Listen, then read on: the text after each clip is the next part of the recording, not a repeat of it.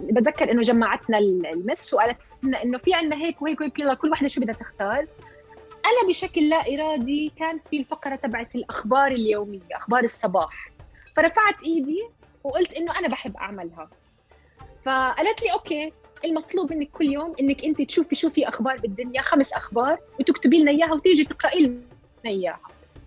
طبعا لو أقول لك كيف كانت هيك التفاصيل بشكل يومي. كل يوم الصبح صرت أحكي لأهلي بابا كان يوصلنا على المدرسة.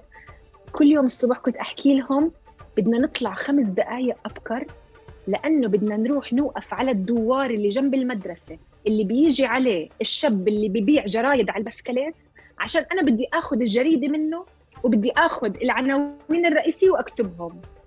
بشكل يومي كنا نطلع عشر دقائق أبكر مش خمس دقائق لأنه أنا بابا كثير ما بيحب يتأخر. عشر دقائق أبكر ونقعد نستنى الشاب لما يجي وناخذ منه أول جريدة بالصبح. وأكتب العناوين وأحكيهم كل يوم. ضليت هذا الحكي والله أنا هذيك السنة ولا يوم غبت. من كثر ما أنا إنه حاسة على ظهري مسؤولية كبيرة وإنه أنا لازم أعملها. كل يوم خمس أخبار كل يوم خمس أخبار. آخر السنة آه، اجى اليوم الأخير وخلص إنه بدنا نودع وبعرفش إيش وكذا. فالمهم المس عم بتقول إنه آه، آه، نحن اليوم عندنا تكريم فريق ال ال الإذاعة المدرسية. فأنا لما سمعت تكريم قعدت أفكر وأقول يا ربي بلكي هلأ ينسوني بلكي هلأ ما حدا يتذكرني بلكي هلأ إنه مثلا يكرموا الكل وأنا ولا ولا كأنه هون بعرفش إيش. فبعدين حكت بتقول إنه اليوم تكريم الإذاعة المدرسية وأخص بالذكر مذيعة الأخبار الصباحية سامية عايش.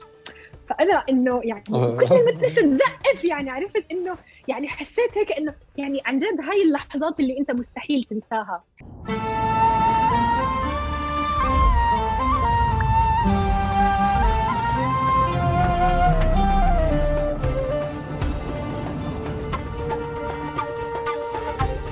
مرحبا واهلا وسهلا فيكم في حلقة جديدة من بودكاست تقارب. حلقتنا اليوم مع العزيزة سامية سامية عايش. مرحبا يا سامية. مرحبا أحمد. كيف الحال؟ تمام. كيفك أنت؟ تمام. بيتك حلو؟ اللون الكحلي حلو؟ أنا بحب الأزرق كثير يمكن هذا شايف شايفه بقميصي وشايفه بفنجاني كمان. آه بس هذيك الدرجة اللي ورا اللي يعني اللي أنا يعني my favorite المفضلة عندي دائما. واظن عندك حتى الأشياء اللي معلقتيها بالسقف زي الأشياء اللي معلقها أنا بالسقف. أه تشبهها يبدو يبدو ذوقنا واحد. سامي أهلا وسهلا فيكي. أهلا فيك وشكرا كثير على الاستضافة أحمد كثير سعيدة إنه أنا معك بتقارب ميت أهلا وسهلا. طيب يا جماعة أنا بدي أحكي لكم شغلة. سامية من الناس اللي آه، بتلبس 5000 آه، طاقية. 5000 فإذا بسأل أي حدا من اللي حواليها إنه يعني وأنا عم بجرب أبحبش عشان أحضر للحلقة أو أحضر لها إنه في أسئلة بتخطر لكم عنها فبتلاقي في واحد بعت لي سي في. يعني إنه آه اسال لي عن كذا وكذا وكذا وكذا. فانا آه، اتصلت فيها تليفون وقلت لها مرحبا سامية. هي فعلا سامية من الناس اللي يعني لها أثر إيجابي كثير هيك يعني أول مرة كان بنتواصل بس هي لها أثر إيجابي كبير. آه، وقلت لها بدنا نتعرف عليك على وإحنا بنسجل بهذا الشكل صح؟ عشان نكون واضحين إحنا. تمام؟ وأنا عملت ال... عملت الواجب تبعي منيح. okay؟ أنا سامي. أنا حاسة إنك أنت عملت الواجب تبعك منيح. أعطيتك hint أنا قبل أيوه قبل تمام. التسجيل. لا هذه ال hint اللي هو okay يعني في أشياء رح أمركها بس إنه تمام رواق يعني. أيوه بالضبط يلا. طيب سامية آه، آه، خليني أجرب أقول السؤال اللي أنا بالعادة بسأله آه، ما بنعطي title صغير وبعدين أنت كيف بتحبي تعرفي حالك باختصار كتير شديد. وكمان الجانب الثاني من السؤال كيف بتحبيش تعرفي حالك؟ أو كيف بتحبيش الناس تعرفك؟ هيك خليني أقول. لحدا مثلك هذا السؤال كثير يعني interesting تفضلي. امم okay. so كيف بعرف عن حالي؟ آه, آه, آه, آه كيف بدك تعرفي عن حالك هلا؟ okay. مم. يعني مش أنا أحمد اللي بقول بدي أعرفك. أعطيتك المايك عشان أنت تعرفي عن حالك. أيوه. أوكي. يعني صراحة وكيف... سؤال كثير صعب بس آه آه وكيف وكيف ما بحب أعرف عن حالي. تمام. كيف كيف آه بتحبيش الناس تعرفك أكثر من إنه كيف آه كيف؟ okay. دائما بحب أعرف عن حالي بطريقتين. أول شيء أنا أم وأنا صحفية. فهدول الشغلتين اللي أنا دائما بحب إنه الناس تعرفها عني أكثر شيء آه، كونه إنه هدول الدورين اللي الأساسيين اللي أنا عم بلعبهم بحياتي حاليا واللي آه، آه، يعني راح أضل ألعبهم لفترة طويلة من الوقت أيضا واللي هم بلوروا كمان الأشياء الثانية اللي أنا موجودة أيضا وبعملها بحياتي ولكن مش بالضرورة إنه هي بتعبر عني. فهاي أنا بشكل أو بآخر الطريقة اللي بحب دائما أعرف فيها عن حالي. ما بحب الناس تعرف عني سؤال شوي صعب يعني و يمكن ما عندي جواب.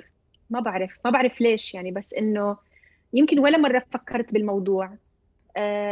مع إنه أنا حدا على فكرة كثير بهتم برأي الناس. يعني كثير بهمني الناس كيف بتشوفني بس ولا مرة فكرت كيف بدي الناس ما تشوفني. يعني ف فيمكن بس أحمد بس خليني أساعدك. أحيانا لأنك أنت بتطلع على الإعلام كمان وبتتعاطي وعلى ال social media وباكثر من مكان فبتلاقي إنه أحيانا بتقعدي على panel بيحكوا إنه سامية كذا وكذا وكذا وكذا وبيحكوا شغلة أنت بتمرقيها ما بتحكي شيء بس يعني آه لا يعني ما حبيتيهاش. هاي هي اللي أنا بدور عليها دائما تمام. آه، أكثر من مرة آه، آه، الناس ممكن مثلا تستعمل طبعا أنا مش عارفة من هالكلمة إجت بس اللي هي إنه أنا بيعرفوني إني صحفية ومرات بيعرفوني إنه أنا إعلامية. أنا هذه كلمة إعلامية ما بعرف من وين إجت وما بعرف إذا أصلا إلها أساس في الحياة كلياتها وما بحس إنه أنا أنا كسامية بحب إنه أعرف بهاي الطريقة. لسبب بسيط إنه آه، أنا بحسها كلمة كثير عمومية وكلمة بشكل أو بآخر بدها تحاول إنها تاخذ مكان العمل الصحفي اللي هو أنا أساس أساس عملي بشكل أساسي. فبالتالي دائما بفضل كلمة آه، الصحفية أكثر من كلمة الإعلامية لأنه بالنهاية مثل ما قلت لك يعني فيها عموميات وفيها محاولة لتمرير أشكال أخرى من من هذا خلينا نحكي الشيء الكبير اللي هو ما بعرف شو اللي اسمه الإعلام. ف فما بعرف إذا هذا جاوب سؤالك بس يعني هيك أنا بالعادة بحس. طب أنا آه، في تعليق هون دائما بعطيه بس هلأ بدي أقفز عنه لأنه في شغلتين. أنت بظن بتعرفي حالك دائما يعني آه، آه، فلسطين أم لطفلين وصحفية بس على أرضية إنك فلسطينية. يعني أنا فلسطينية صحفية أو صحفية فلسطينية أو أم لطفلين فلسطينيه وفلسطين طاغية يعني قاعدة بكل مكان عندك يعني. ف آه، تعال نبلش من وين من فلسطين؟ وكيف صار الارتباط بفلسطين؟ أوكي. أنا من قرية اسمها تل الصافي قضاء الخليل. آه يعني آه تهجروا أهلي بال 48 آه على أريحة وبعدين بال 67 على الأردن. فبالتالي أنا ارتباطي بفلسطين هو ما له علاقة بإنه أنا كل صيف لازم أنزل على فلسطين أشوف أهلي و... وأصيف وبتعرف هاي الأشياء. آه، أنا ارتباطي هو آه، ارتباط معنوي أكثر منه أي آه، أي ارتباط آخر. يعني حتى مثلا رغم إنه إحنا مثلا ما عندنا أي هوية أو وثيقة فلسطينية ولكن أنا دائما أحرص إنه أنا أسمي نفسي بإنه أنا فلسطينية. لأكثر من سبب نحكي عنها بعد شوي. بس آه، آه، آه، ارتباطي بفلسطين زي ما حكيت لك هو ارتباط معنوي. ويمكن البيت برضو اللي إحنا تربينا فيه أنا وإخواتي الثلاثة ساهم بهذا الشيء بشكل كبير. يعني والدي ووالدتي من وإحنا صغار فلسطين حاضرة بكل زاوية من زوايا البيت. سواء كان من خلال الأغنية أو من خلال التطريز أو من خلال حتى النشاطات أو أي شكل من الأشكال فلسطين دائما موجودة. آه، فبالتالي آه، هذا الإشي اللي إحنا كبرنا عليه والإشي اللي كمان هلأ عم بحاول إنه أكبر اولادي عليه. هلأ أنا كثير بهمني دائما إنه كلمة فلسطين هي كلمة يومية لازم ما تختفي من بيوتنا ولا تختفي من حياتنا. أنا بعرف كثير عالم آه، للأسف الشديد آه، آه، يعني أصلهم فلسطيني لكن أكيد الناس كلها صارت بكل مكان في العالم. شيئا فشيئا كلمة فلسطين لم تعد موجودة ببيوتهم. وهذا بالنسبة لي شيء كثير مؤسف لأنه الطرف الآخر يعني بيحسب أو بيستنى بالنسيان اللي هو الورقة الرابحة اللي هم بيعتبروا إنه هي اللي حتكسبهم بنهاية المطاف. لكن أنا أعول على إنه لا ما في نسيان. وأنا بالنسبة لي حتى لو ما راح أرجع على فلسطين حتى لو ما راح أشوف فلسطين بالنهاية أنا بدي اسم فلسطين يضل موجود ويضل اولادي على الأقل بيئتي اللي أنا محيطة فيه دائما تضل متذكرتها ودائما تضل ترددها. لأنه بالنهاية شوف أحمد يعني أنا لا أؤمن بالأهداف الكبرى والمشاريع الكبيرة. أنا أؤمن بهاي التفاصيل الصغيرة والأهداف الصغيرة اللي نحن لو قدرنا إنه نعملها بشكل يومي هي ممكن توصلنا بنهاية المطاف للشيء الكبير اللي نحن بدنا نحققه أو نوصل له بحياتنا. فيعني بشكل أو بآخر هذا ارتباطي بفلسطين. طبعا طول حياتي أنا نفسي أروح على فلسطين وفعلا أنا قدرت إنه أروح على فلسطين مرتين بحياتي مرة بال 2012 ومرة بال 2018 ويعني أنا بالنسبة لي هاي الرحلة كانت هي رحلة من العمر. يعني فيها فيها كثير تفاصيل لحدا كان عم طول عمره يحلم إنه ينزل على فلسطين. هاي فلسطين الوردية اللي نحن دائما نحلم فيها وبنخليها بمكان بعقلنا وبقلبنا. لما ننزل عليها بنكون آه، كثير خايفين إنه هاي الصورة تنكسر أو تتشوه أو تتغير أو يصير لها أي شيء بس أنا أعتقد إنه هي قاعدة بمكان كثير غميق بحياتنا وفي أنا داخليا وشخصيا لو شو ما صار مستحيل إنه يعني يمسها أي أي شيء أي شعرة.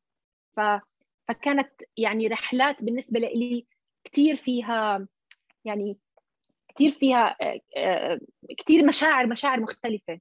يعني آه، يمكن مثال كثير صغير. إنه بتعرف العالم لما تروح على مثلا بلد وتقول لك يا الله حتى ريحة الهواء غير هناك. أنا فعلا شميت ريحة الهواء غير. يعني فعلا أنا لما قطعت الحدود وطلعت وبعد طبعا ساعات طويلة على الجسر وما إلى ذلك أنا لما شميت ريحة فلسطين فعلا فعلا إنها مختلفة عن أي شيء موجود بالدنيا.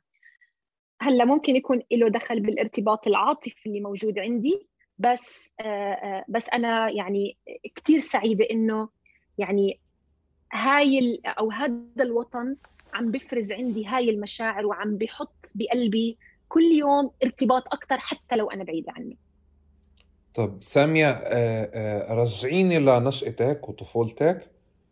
يعني قبل ما توعي وقبل ما تبلش تشكلي ذاكرة وخبريني عن محيطك وأهلك وناسك ومحيطك كيف أنت زرعوا فيك ال ال ال يعني زرعوا فيك فلسطين وكيف رسخت بهذا الشكل قبل ما نحكي أنت شو عملتي فيها بس تمام. انت يعني حكيتي لي الوالد والوالدة بالأكثر هم من زرعوا هذا الشيء اشتغلوا عليه طيب صح. هاتي نرجع نرجع قبل يعني عشان بعدين نقارن إذا انت عم تعمل الشيء مع أولادك صح ولا أحسن ولا ولا لا لازم تحسني حالك خلينا نشوف. آه طبعا يعني يعني أنا أنا نشأت ببيئة آه خلينا نقول هي بيئة شوي أكاديمية. يعني والدي بيدرس بالجامعة والدتي معلمة بالمدرسة فبالتالي في عندنا هذا روتين الحياة اليومي اللي هو بشكل أو بآخر على المستوى اليومي والمستوى السنوي ما بيتغيروا. والدي أيضا يعني هو يعني بيدرس إعلام فبالتالي أنا يمكن أخذت هذا هذا الشيء منه كمان. كوننا إنه نحن أربع بنات بهذا المجتمع يعني كثير كمان كان الموضوع فيه صعوبات على أهلي بالتحديد. يعني أقول لك أحمد أنا بكل يعني آه، مثلا بكل بساطة مثلا لما كنا يعني نرجع على الأردن أنا يعني كل جداد يعني جدي من آه، من من أهل أمي وأهل بابا عايشين بمخيم البقعة بالأردن. فدائما لما كنا ننزل على المخيم يسألوها لماما مثلا كم عندك أولاد ما شاء الله وكم كذا تقول لهم عندي أربع بنات. تقول لها يلا الله يعوض عليكي فإنه يعني عرفت هذا المنطق تبع إنه يعني أنا أسمع هاي الكلمة وأقول أصلا أصلا شو يعني كلمة الله يعوض عليكي؟ يعني آه، آه، من وين جاية؟ وشو هالخلفيات اللي عند الناس اللي بتخلي الناس تفكر إنه الولد هو أحسن من البنت؟ رغم إنه أنا طبعا شايفة النماذج اللي موجودة حولي واللي هي بتخليني دائما أكون متأكدة إنه لا أنا كبنت كثير أحسن من كل هالنماذج اللي حوالي. فبالتالي يعني آه، إنه أنت تسمع هاي الكلمة عم تنحكى لأمك وبعدين تحس إنه في نوع من من الحسرة أو الحزن موجود عند أهلك لأنه في عندهم أربع بنات. أعتقد إنه هذا كثير كان شيء قاسي إنه أنا أسمعه أو إنه إخواتي يسمعوه. فبالتالي يعني دائما كان في هذا الإصرار يمكن كمان حتى عند أهلي إنه نحن كبنات لازم نكون الأفضل والأحسن والأكثر تفوقا والأنجح. هلا طبعا الحمد لله هذا كله تحقق. ويعني آه، آه، آه، يعني على شتى الصعد. فبالتالي يعني أعتقد إنه يعني هاي البيئة ساهمت بشكل أو بآخر بإنه يكون كمان عندي إصرار على إنه أثبت حالي بأكثر من شغلة. يمكن هاي بت يعني بتشرح كمان موضوع موضوع تعدديه الأشياء اللي أنا بحب أعملها واللي أنا بعرف أعملها. لكن كلياتها كلياتها تستند إلى مبدأ واحد اللي هو أنا كمان تعلمته ويمكن كبرنا عليه اللي هو القصة. يعني أنا من وأنا صغيرة موضوع القصص موضوع الاستماع إلى القصص موضوع رواية القصص هو بتقدر تقول إنه موجود بدمي. آه، أنا بتذكر لما كنا كثير صغار كنا لساتنا عايشين بالأردن قبل ما ننتقل للإمارات. آه، كانت ماما كل يوم تقريبا بعد ما نرجع من المدرسة تكتب قصة. هي في دفتر أنا بتذكر شكله تكتب قصة وتيجي تحكي لنا إياها. وأنا كثير كنت أستغرب أقول كيف ماما كتبت هاي القصة كثير بسرعة وتكون قصص عن جد حلوة. فهذا من جانب. من جانب ثاني برضه لما مثلا نروح عند آه، بيت جدي أو عند ستي أو ما إلى ذلك آه، تعرف الختايرة كمان الكبار لما بيقعدوا بيقولوا لك عن فلسطين وقصص فلسطين وكذا. وأنا جدي والد والد والد والدي يعني الله يرحمه كان كثير يعني كثير حدا شاطر برواية القصص. فأنا يعني كنت دائما حتى عندي هذا الهم إنه أنا قصص المخيم بيوم من الأيام بدي أحكيها بطريقة مختلفة وجديدة وحلوة لأنه أنا بدي هاي القصص تعيش. فمثل ما أنت شايف يعني أنا البيئة اللي عشت فيها هي مليئة بالقصص. فأنا يعني حتى واحدة من الأشياء اللي دائما كنت أحرص عليها اللي هي إنه أنا حدا بيسمع أكثر ما بحكي. فبالتالي مثلا رح تلاقيني مثلا بقعدة أو بجلسة فيها كثير ناس حتلاقي ناس كثير بتحكي بينما سامية قاعدة وعم تسمع. ليش عم تسمع؟ لأنه بحس حالي إنه بكون عم بخزن قصص. يعني ساميه عم بتحط قصص براسها. يمكن ترجع تكتبها يمكن تتخيلها لفيلم يمكن تتخيلها لقصة أطفال ما بعرف. بس إنه في دائما مخزن من القصص اللي بيصير. يعني رح أعطيك مثل. أنا حدا ما بحب أروح على الأعراس ولا بطيء إنه أدخل عرس. لأنه بحس يعني يعني خصوصا الأعراس بالفترة الأخيرة صايرة كثير إنه شو اوف والناس بتحب تتمنظر وتفرجي حالها وكل هاي الأشياء ومرات كمان الاجتماعيات مرهقة. بس الإشي الوحيد اللي بيخليني وبيدفعني انك إني أروح أحضر مثلا حفلة عرس إنه أنا بقدر أراقب الناس. لما براقب الناس بقدر أكون عنهم قصص يعني اللي هي backstory يعني قصص خلفية. مش بالضرورة إنها تكون قصص حقيقية لكن هي كمان يمكن بتساعدني بإشباع هذا الجانب الخلاق أو الجانب الإبداعي بسرد القصص اللي موجود عندي. فبالتالي يعني كبرنا على هذا الموضوع وبلش كمان يتبلور بنواحي ثانية بحياتي. مثل أنا لما قررت إنه مثلا آه، أدرس آه، آه، يعني أدخل بمجال الصحافة قررت إنه أنا إذا بدي أكون صحفية هذا لأنه أنا بدي أحكي عن قصص الناس وبدي أحكي عن القصص اللي موجودة حولي اللي بتهم الناس.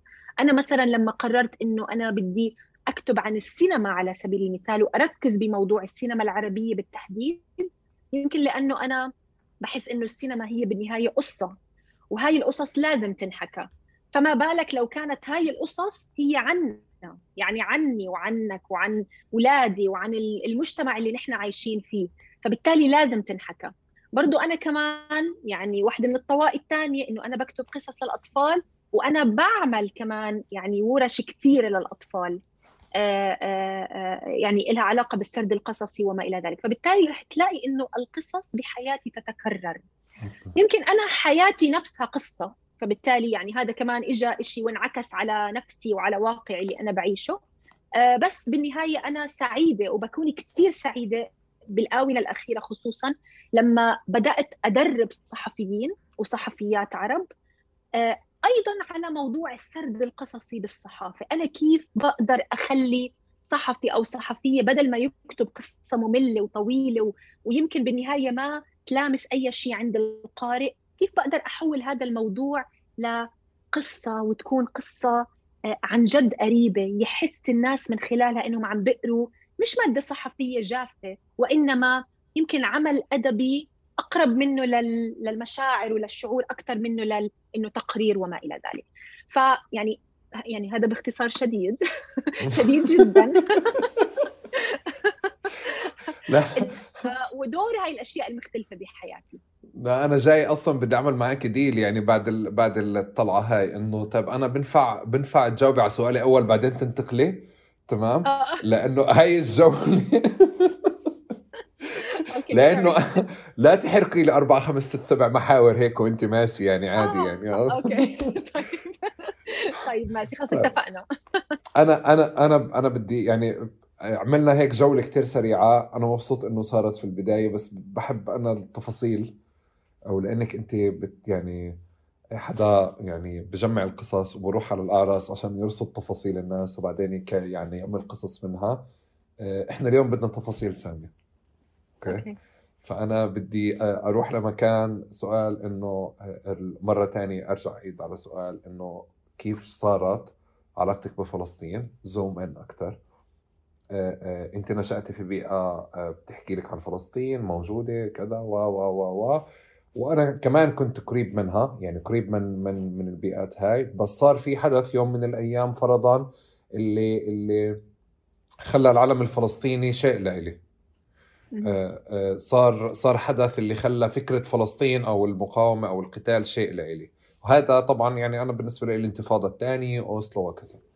أنا بدي أسأل عن هاي التفصيلة لأنه أنت بدك قصص وبتحب القصص. أعطينا قصة اللي علمت فلسطين جواتك وخلتك تميزي إنه هذه فلسطين مش مثل كثير أشياء اللي أنت كطفلة بتنشئي بتنشئي عليها. خاصة إنه أنت يعني بتحكي لي عن إنه كنت في محيط مغرقك في في تفاصيل كثيره وبيحكوا لك كثير أشياء آه، آه، يعني بس في مرحلة اللي بطلت القصة تبعت ستك من قصة عادية بيسمعوها الأطفال أو عادية لقصة لا هاي يعني قصة مميزة وفي لها تصنيف خاص. احكي لي. تمام. يعني شوف أعتقد أعتقد يعني هي أكثر من شغلة بس في شغلة هيك دائما بترسخ براسي. طبعا أنا بالنسبة لي المخيم بالتحديد هو كان دائما الشيء اللي بذكرني بشكل سنوي بفلسطين. يعني نحن لما كنا نرجع بالصيف كل ال كل ال يعني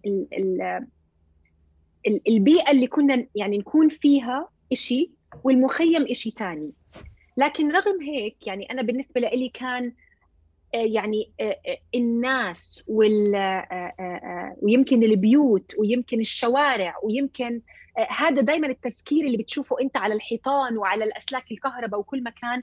يمكن هذا بالنسبة لي كان هو الإشي اللي دائما بيذكر. لكن إذا بدنا نيجي نحكي عن إيش هو الإشي اللي اللي يعني خلانا أو خلى فلسطين تترسخ أكثر أنا بتذكر لما كنا إحنا. يمكن هي وقت الانتفاضة بال 2000 سنه ال 2000 كنا نحن هون كنا كبار تقريبا. يعني أكيد هلأ فلسطين موجودة من قبل.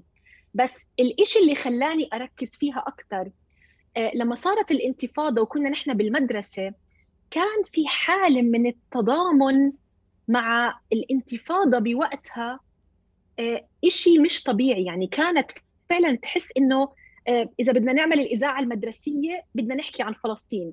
إذا بدنا نعمل مسرحية لازم يكون في فلسطين. آه، درس الاجتماعيات في فلسطين بواحد من الدروس بس بيحكي عن القضية الفلسطينية. فبالتالي أنا طبعا كوني إنه حدا يعني قلت لك أنا أنا بسكت يعني بسكت وبسمع بس اوعك تحطني على مسرح لأنه أنا لما بطلع على مسرح يعني بنفلت بالحكي بوقفش عادي. فأنا كنت كثير بموضوع الإذاعة وموضوع المسرحيات وموضوع الغنى وموضوع كثير أشياء يعني كثير كنت أحب إنه آه، آه، يعني to perform أأدي. فبالتالي يعني لما حسيت إنه نحن لازم نحكي ونحكي بصوت عالي خلال هذيك الفترة. حسيت إنه سامية أنت يمكن عليك حمل إضافي.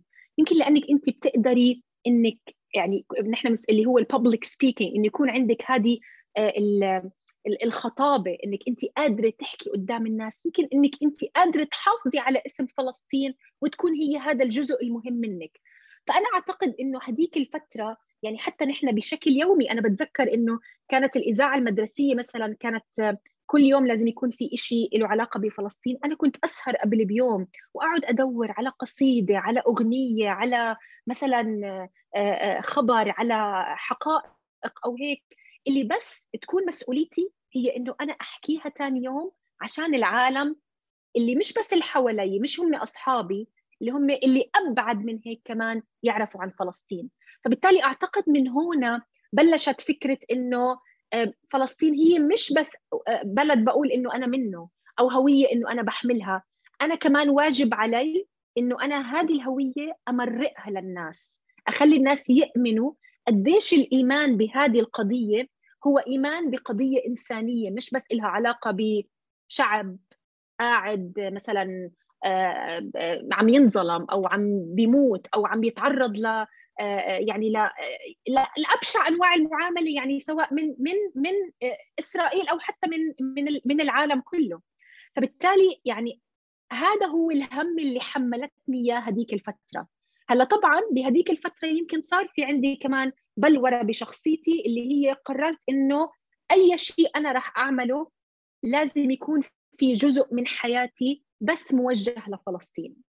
فأعتقد إنه يمكن هذا هو الشيء اللي اللي آه، آه، اللي ساهم بشكل أو بآخر. هلا في قصة صغيرة كمان يمكن أنا مش كثير بحكيها بس أنا بتذكر لما أنا كنت بالمدرسة وتحديدا يمكن يا بالتاسع يا بالعاشر شيء مثل هيك صار في حوار بيني وبين وحدة من زميلاتي بالصف.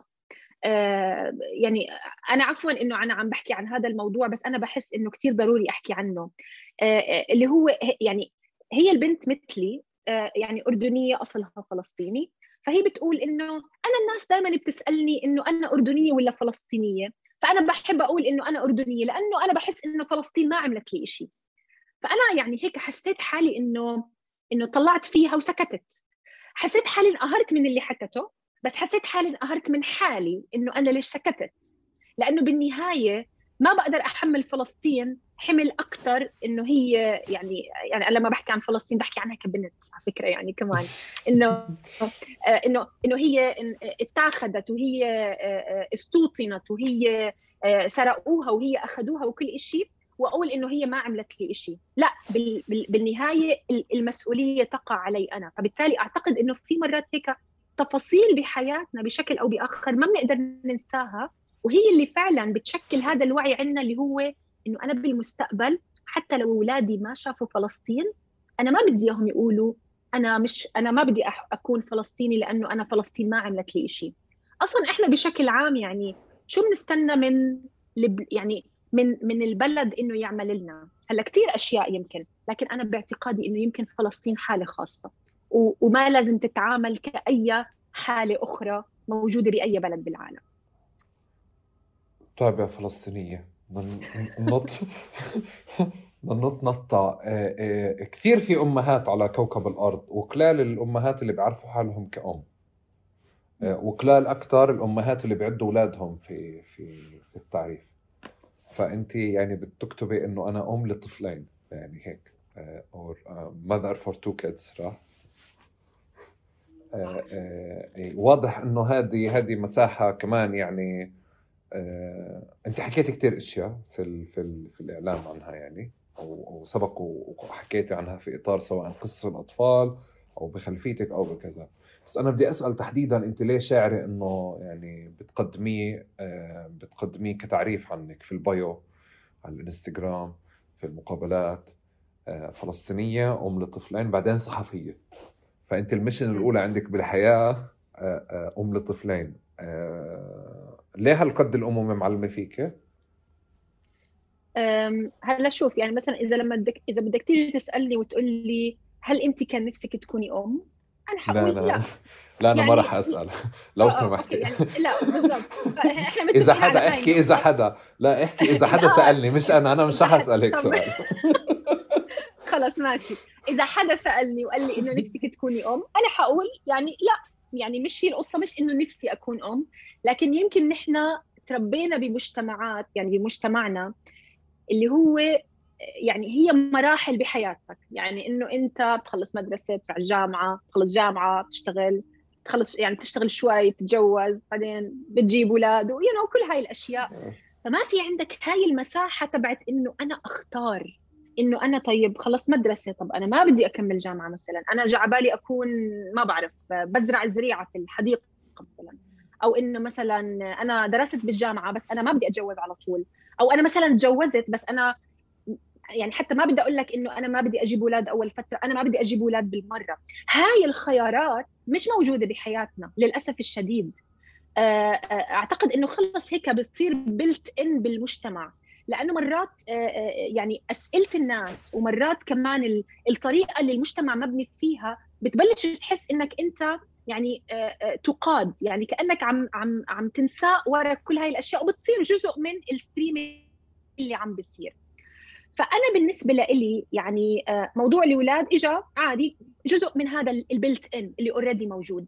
بس يمكن يمكن أنا بعدين ال- الأشياء اللي مريت فيها اللي لها علاقة ب يمكن الانفصال والطلاق ولعبي دو دورين يعني دور الأم ودور الأب بحياة اولادي يمكن هذا خلاني أرجع أحسب الأمور بطريقة مختلفة حتى من وهم صغار. بطريقة تخليني إنه أفكر إنه اللي بده يجيب أولاد على هالدنيا بده يكون متأكد مليون بالمية إنه قادر يهتم فيهم. وإلا هذا يعتبر يعني يعني قمة الظلم. فعشان هيك أنا في بعض الأحيان قد أكون حتى بضغط على حالي بشكل قاسي جدا. يعني شو ما أقول لك أحمد قديش قاسي؟ آه آه يعني مش ممكن تتخيل. يعني آه أنا قد أضغط على حالي بمسألة الدراسة ومسألة ال- النشاطات ومسألة آه، آه، آه، الأصحاب ومس- ومسائل كثيره بس في سبيل إنه اولادي يحسوا حالهم إنه إنه عندهم عندهم عندهم سند وعندهم دعم وعندهم حدا عم بيهتم فيهم حتى يكونوا هم قادرين يهتموا بحالهم. فأنا ليش بحب أعرف عن حالي كأم لحتى أجاوبك على سؤالك؟ يمكن لأنه أنا فخورة باللي بعمله لأنه أنا كثير بحس حالي إنه أنا عم. عم بعمل دوري. على أتم وعلى أكمل وجه وهذا الشيء يعني يوما من الأيام تتعرف باولادي إن شاء الله آه عن قرب فعن جد يعني رح تحس قديش أنا فخورة بحالي وفخورة فيهم وهذا الشيء يعني يعني إنه الحمد لله ببين بكثير من من أوجه حياتي الثانية اللي هي مثلا أنا على أبسط مثل إذا أنا بدي أروح أعمل ورشة أنا بلاقيهم هم اللي بيقوموا بيساعدوني وبيحضروا وبيروحوا معي وبيتولوا. أشياء كثير يمكن يمكن هم بيساعدوا إمهم بس بالنهاية هو كمان نوع من هذا ال- ال- ال- التبادل كمان ال- الأدوار أو خلينا نحكي الرد الجميل بشكل أو بآخر. فبالتالي أنا الأمومة بالنسبة لي هي مصدر فخر آه، لأنه تعبت عليها. فليش ما أحطها بال CV؟ طب أنا أنا أنا يعني ال CV الشخصيه طبعا يعني. لا لأنه بالع... بالعادة لما طبعا ال CV العادية بيلاقوا لك إنه إنه ام آه، okay تمام ماشي. نرجع نحكي معك صح. صح صح صح صح صح. طب أنا أنا بدي أحكي شغلة وجرب أجرب أنا وياك نفكر فيها من مكان تاني. أنت اللي اللي حكيتيه يعني أنا كتير بحترمه وبحترم إنك اخترتي يعني يعني في ناس بتختار إنه بمحل إنه هي تعرف آه، آه، خليني أحكي مش تعرف إنه تختار إنه في واحد من المشاريع اللي بحياتها هو مشروع إنشاء طفلين أو طفل أو أو كذا.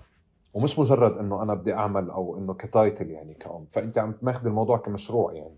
فمن هون أنا بحترم فكرة إنه يعني كان في صديقة سابقة كمان حبيت كيف حكت عن الموضوع كيف أنت عم تحكي عنه. فكان كان إشي كتير لطيف. بس أنا بطلع عليه من مكان تاني كمان إنه كأنه كمان هو استمرار ل... ل... لنشأة أنت نشأتي فيها. بمعنى إنه أنت مش مفهوم ضمنا. يعني كان لازم أنا أعطيك مساحه عشان عشان تشرحي. أنت ليه كاتبة على ال على, على الإنستغرام هيك؟ آه، آه، بس بظن بمكان تاني لكتير صبايا ممكن يكون كمان هو استمرار للنشأة اللي أنت طلعتي منها. بمعنى كيف الصبية اللي آه، بتنشأ وبتقول إنه الزواج هو الشيء المرحلة اللي جدا مهم.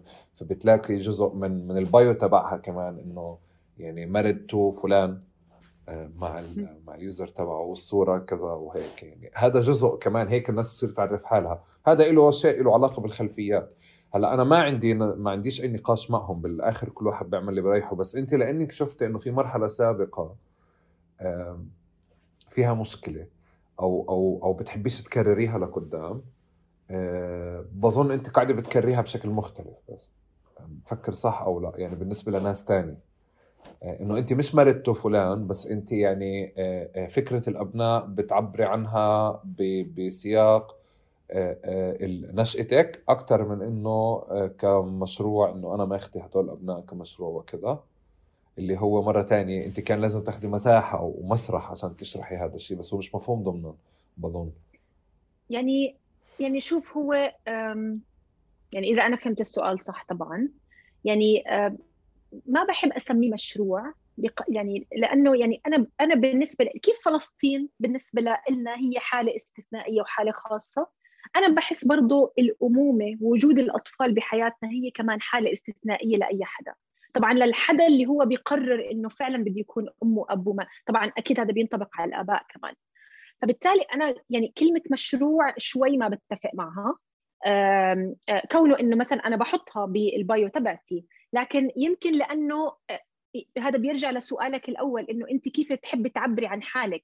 أنا لما أحكي أم مش بالضرورة إنه يعني أم يعني موظفه 24 ساعة سبع أيام بالأسبوع. يعني يمكن هي تحمل تفاصيل وتحمل دلالات مختلفة لها علاقة بإنه يعني قديش أنا بفخر بهذا الدور وبنفس الوقت قديش أنا بحس إنه يعني نحن لازم نطلع على الأمومة بطريقة شوي تكون يعني كاجوال تشيل أكثر يعني مثل ما بيقولوها. آه، بحيث إنه نشرك كمان أولادنا بتفاصيلنا نحن. يعني أنا مثلا آه، آه، كثير من الأشياء مثل ما حكيت من شوي كثير من الأشياء اللي أنا بعملها قد تكاد تتغير مع مع الوقت اللي اولادي بيكبروا فيه. يعني مثلا أنا لما كان اولادي صغار كنت أكتب قصص للأعمار اللي مناسبة لهم هلأ أنا مشاريعي شوي تغيرت لأنه أنا دائما بدي ألبي هاي بدي ألبي أو مش بدي ألبي أنا بدي أعتبر إنه هذا هو جمهوري الصغير اللي أنا بدي أبدأ منه. فبالتالي هي فقط أيضا يمكن محاولة ل آه، إشراك هدول الشغلات يعني هدول الطفلين الحلوين اللي هلا هم شباب طبعا آه، يعني بحياتي بشكل أو بآخر وأمام العالم كله. فبالتالي أعتقد إن الأمومة آه، هي لها كمان يعني دلالات مختلفة تختلف عن كونه بس مشروع فقط. إذا أنا فهمت السؤال صحيح. يعني يعني آه أوكي أنت نفيتي فكرة آه، مشروع مرة ثانية أنا حكيت لك قبل المقابلة. اتفقت معك. اللاعب اللي في الإعلام لا تلعبيه معي. أنا بضل قاعد على فكرة بضل قاعد لك ماسك الدفتر وقاعد خلص وأنا وأنا اليوم الجمعة ما عندي مشكلة. احكي لي أحمد ما بدي أجاوب. اهولني أنا. okay. بس أنا أنا مرة تانية. أنا أنا بن أنا فاهم okay إنه أنت مش معتبراه مشروع تمام؟ آه عندك مشكلة مع تسميته تمام؟ أنا سميته هيك تعظيما من شأن الشيء اللي الدور اللي عم بنعمل هذا مش دور عادي. آه ومرة تانية هو مش مفهوم ضمنا. بحبهاش هاي الكلمة بس ضل أكررها وأستخدمها. يعني مش مش شيء طبيعي إنه إنه آه, آه, آه إنه لا الناس بتنخلق وبتعمل كتير أشياء بالحياة منها إنه بتجيب أولاد وبعدين خلص بتسلك الأمور يعني.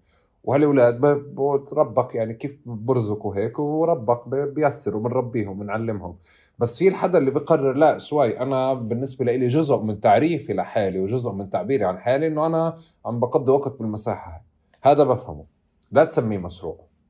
تنعجبي أنا عم بحكي جزء من التعبير كمان في وجه تاني من التعبير إنه مش متأكد قد إيه هذا الشيء يعني. حسمتيه أو ما حسمتيه أو أنا عم بدعوك تحسميه أو ممكن تحكي لي أحمد ما بدي أحكي فيه هلأ بحكي فيه لحالي بعدين. أو بنسكر التسجيل وبحكي فيه أنا وياك. بس بشعر كمان إنه جزء من تعبيرنا عن الأشياء هو إعادة إنتاج أو إعادة تشكيل أشياء سابقا إحنا لقينا حالنا فيها خاصة أنت كيف حكيتي؟ أنا السؤال بالمناسبة يعني كان عندي استفسار أكثر إنه ليه أنت مسبقة كذا؟ يعني بوعي أو لا وعي مسبقة فكرة إنه أنت أم لطفلين على فك على كونك صحفية في منصات أنت ك يعني الناس بتدخل عشان تشوف مقابلات أو المحتوى اللي بتنشريه أو كذا يعني.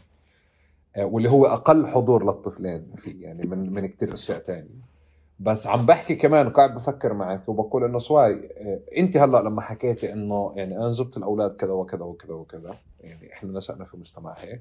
فأنا شعرت إنه لا حتى فكرة التسمية اللي موجودة أو أو أو شكل التعبير هو استمرار لنشأة موجودة. واللي بمكان لإنه صار صار عندنا ميزة أو بريفليج إنه إحنا نطلع على الموضوع بأثر رجعي وميزنا إنه في مشكلة كانت صارت معنا سابقا. بظن إنه يعني جربت أفكر معك بصوت عالي إنه آه ممكن الإشي يكون هو استمرار لشيء سابق أكثر من إنه أنا وياك كيف هلأ قبل شوي حكينا عنه. كاختيار وككذا وهيك. وبالنسبة لناس تانية ممكن يكون أثره إنه okay آه، آه، آه، في ناس راح تشوف إنه هذه امراه قوية وعندها شيء يعني و commitment عالي وكذا وهيك. بس كمان في ناس راح تشوف إنه يعني كمان هو تعزيز للصور النمطية اللي أنت نشاتي فيها وحكيت عنها قبل شوي إنه يعني مش بالضرورة يعني إنه تكون صح صح وأنت تكملي فيها. هيك جربت اديكي هلا ممكن تتجاهل السؤال اللي أنا حكيته كله تتجاهل لا بس بس بدي اياك بدي اياك بدي إياك تعطيني تفاصيل أكثر عن آخر نقطة لأنه يعني بدي أعرف أكثر شو قصدك إنه الصورة النمطية. لا بقصد فكرة إنه الصبية في مجتمعاتنا بتنشأ. آه. كيف أنت قبل شوي أوكي. حكيتي؟ بدك تتجوزي وتجيب أولاد وهيك. وأنت كيف حكيتي عنها قبل شوي بمعنى؟ كنت ماشي بمسار هيك. بعدين حكيتي بحرقة كتير كبيرة إنه يعني وبتون كتير عالي ويعني اشتدت له داني يعني عشان السماعة إنه اللي بده يجيب أولاد بده يكون متأكد إنه بده يجيب أولاد كذا وكذا وكذا. ما بدنا ندخل بتفاصيل هذه حدة الصوت والوجع اللبناني اللي صار.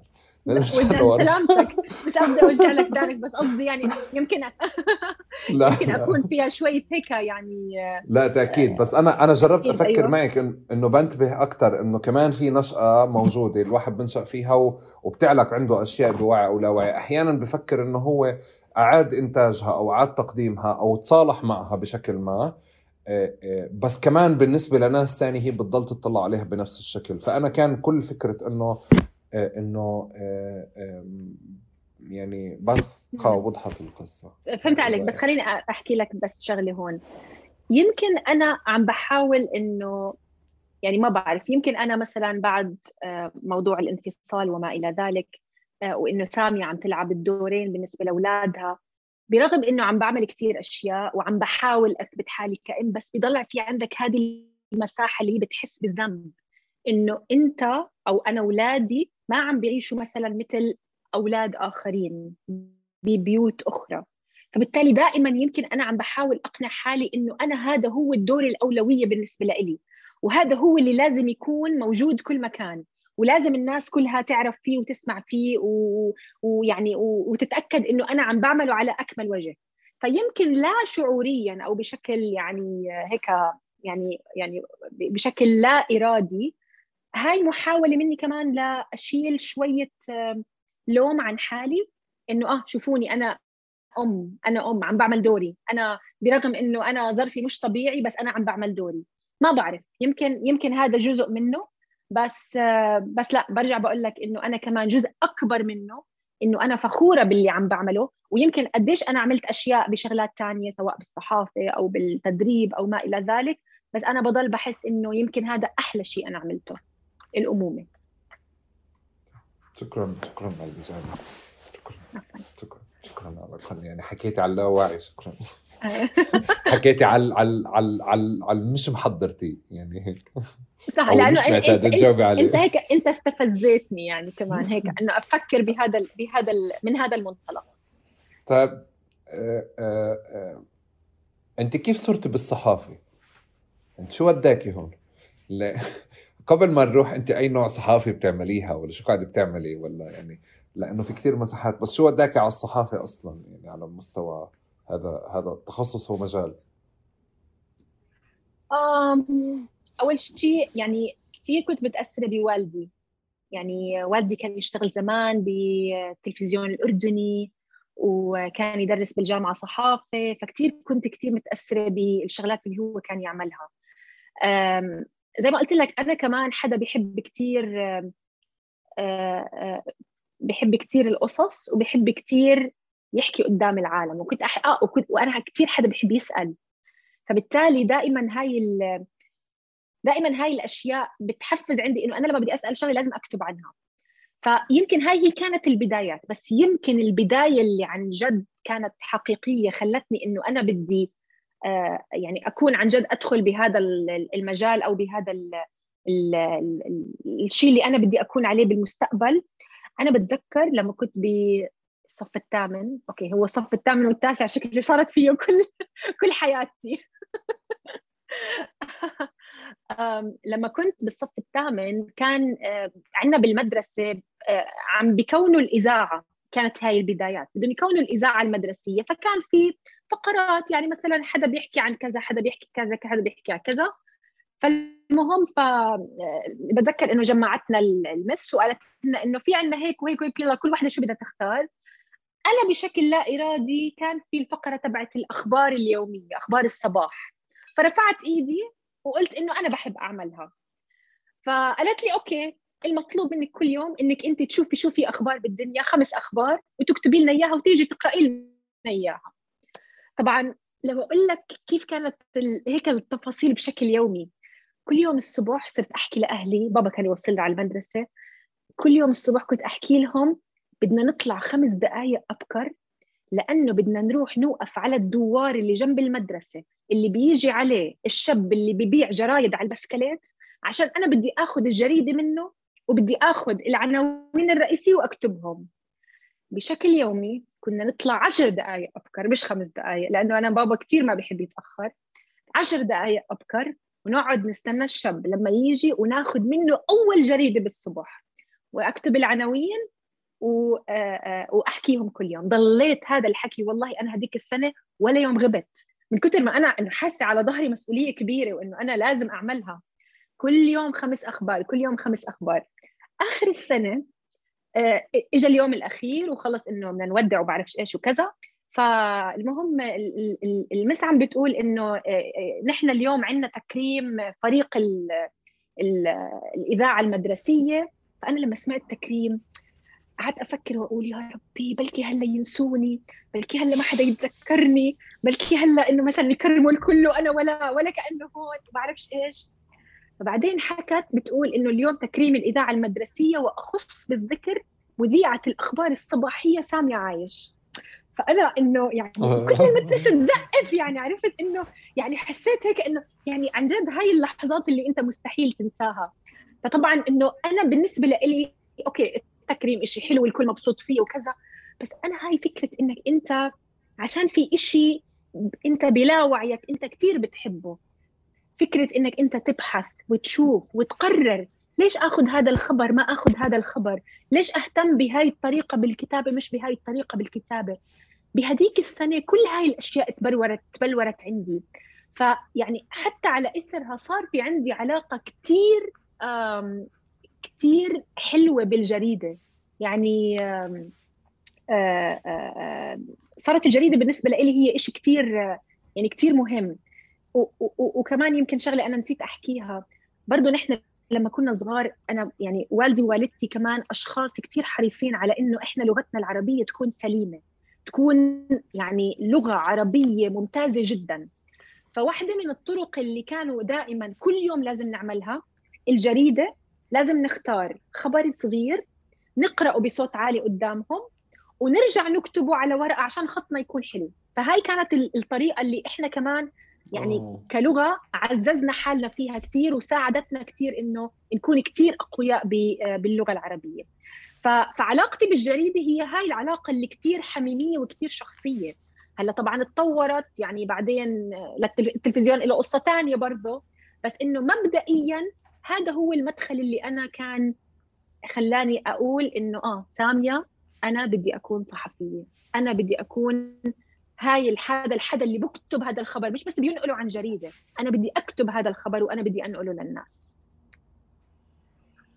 شكله الصف الثامن والتاسع هذا إشي بيأسس للأجيال. هلأ أنت عم تحكي وحكيت على الإذاعة المدرسية تذكرت موقف؟ أنا كمان كان يعني بالإذاعة المدرسية بالنسبة لإلي منصة كتير مهمة خاصة بالانتفاضة. فإحنا فعليا كانت النشأة عندنا إنه إحنا آه، آه، الحدا اللي بيطلع بقدم ما قبل الانتفاضة كان أدفع حدا. لأنه بيطلع بس بيحكي إنه آه، وأسلم المايك لكذا وأما يعني هيك يعني بس بعدين صار بكتب مقدمة اللي هي بنبلش فيها الصبح. هيدي تقريبا إشي بيشبه بيان سياسي هيك. فبتذكر إنه لما لا يعني كنت لفترة يعني مش عارف إذا مسؤول أو غير مسؤول وقتها هيك. ما كانش في هاي المسميات كلها كان الواحد اللي بيطحش هو اللي بيتميز يعني. بس إنه صف ثامن وتاسع مسكت يعني فكرة إنه خلص أنا الخطيب وأنا الحدا اللي ماسك الإذاعة في هذاك اليوم وبكون عامل البرنامج بالكامل. وبعدين وقتها أظن إحنا كنا بنسابق الأجيال من وين كنا بنجيب ال ال الكلمات؟ يا إما من الأشعار يا إما من الأدب يا إما من آه، آه، آه، أنشودة أو أغنية سمعناها في حينها في وقتها أو خطاب أو شعر انكتب وقتها وطلع. فأبوي انتبه إنه إنه الولد عم بيعلي السقف بزيادة فصار ما بعرف ليه قرر هيك يعني هلأ تذكرت الحادثه وأنت عم تحكي قرر إنه لأ لازم نضبط الولد شوي يعني. فآه شو بدنا نساوي معه؟ بدك تقرأ اللي كاتبه قدامي. أوكي تمام. اقراه فاصير آه، يعطيني ملاحظات يعطيني ملاحظات يعطيني ملاحظات. فأوصل أنا لمحل إنه بشبهنيش الإشي. يعني النزعة السياسية اللي أنا بدي إياها اللي هي مل يعني مليانة مبالغات وتعبير يعني وكثير عم ماجد عبد الهادي يعني. هيك خلينا نحكي. آه، آه، بيشيل لي اياهم بعدين بعد جربت مرة وما حسيتش إنه تمام أنا. فصرت بعدين أعمل أقرأها قدامه أكون أنا مجهز نسخة تانية. ففي يوم ناداني قال لي تعال كيف كانت اليوم الاذاعه؟ قلت له ممتازه طيب ليه عملت كذا كذا؟ قلت له ما عملت قرأت اللي هذا. لا أنت قرأت شيء ثاني قلت له لا قرأت اللي اتفقنا عليه. فطلع أبوي وقتها إنه سامع إنه أنا لساتني مستمر بالطريقة. فوقف السيارة ووصلني وقف السيارة على باب المدرسة ضل يستنى لسمع الإذاعة المدرسية وبعدين طحش علي. أنا أنا أنا لفتني وأنت عم تحكي كنت مجهز شغلة في واحدة من من تدريبات الكورونا تبعتك كانت إنه اللغة العربية مش مش سليمة قوية يعني. واو. انه سامي بتغلطش. يعني انه مش مهم جوجل مش مهم هلا على شو بتحكي بس حلو اللغة. وفي أداء كتير حلو إنه آه كملي. حتى تتذكري وقتها كتبت لك على تويتر يعني كنت قاعد مع أصدقاء فبعدين هيك آه، يعني عزام صديق بقول صديقي بقول إنه إيه، ولا غلطة إنه هيك. إنه آه إنه كيف هيك في حدا يعني قاعد بيعمل ورشة كاملة آه، آه، ولا ومش مفهوم ضمنا خاصة إنه في شيء تقني أنت كنت عم تحكي عنه يعني. احكي لي كمان حبيت أنا فكرة الموضوع الجريدة إنه كيف كيف تطلعي خبر وتقريه وبعدين ترجعي لي. احكي لي كمان كيف كيف تعززت عندك هذه اللغة أكثر من البيت ولا خارجها يعني زي ما قلت لك هي أنا مثلا كثير حدا بحب القراءة يمكن كمان يعني هذا الشيء كان موجود عندنا بالبيت فبالتالي القراءة كانت جزء من إنه الواحد كمان اللغة العربية تبعته صارت أحسن. يعني أنا بتذكر لما كنا ننزل على الأردن بالصيف اللي هي عطلة الثلاث شهور عند أهلي بالبيت في مكتبة كثير كبيرة كتب إنجليزي على عربي على كل شيء أنا كنت كل سنة أنزل المكتبة انظفها تنظيف يعني بالصفحة كل صفحة هيك انظفها وكل كتاب وكذا وأختار لي هيك كم من كتاب وأقعد بس طول الوقت أقرأ فيهم. فبالتالي أنا أعتقد إنه جزء من سلامة اللغة بشكل عام إنه أنا كان عندي المفردات يعني أنا كان في عندي تعدد بالمفردات قادر قادر إنه أستعمله وقادر إنه أنا آه، يعني يساعدني بالحكي بالتقديم بكل هاي الأمور. برضه كمان يعني إذا ما بدنا نحكي أو إذا بدنا نحكي عن خارج البيت اللي هي المدرسة أنا كثير كنت محظوظة بكل معلمات العربي اللي كانوا يدرسونا بالمدرسة. يعني بتعرف إلا ما يطلع لك مثلا السنة مثلا حدا منيح السنة الجاي حدا مش منيح ما بعرف شو.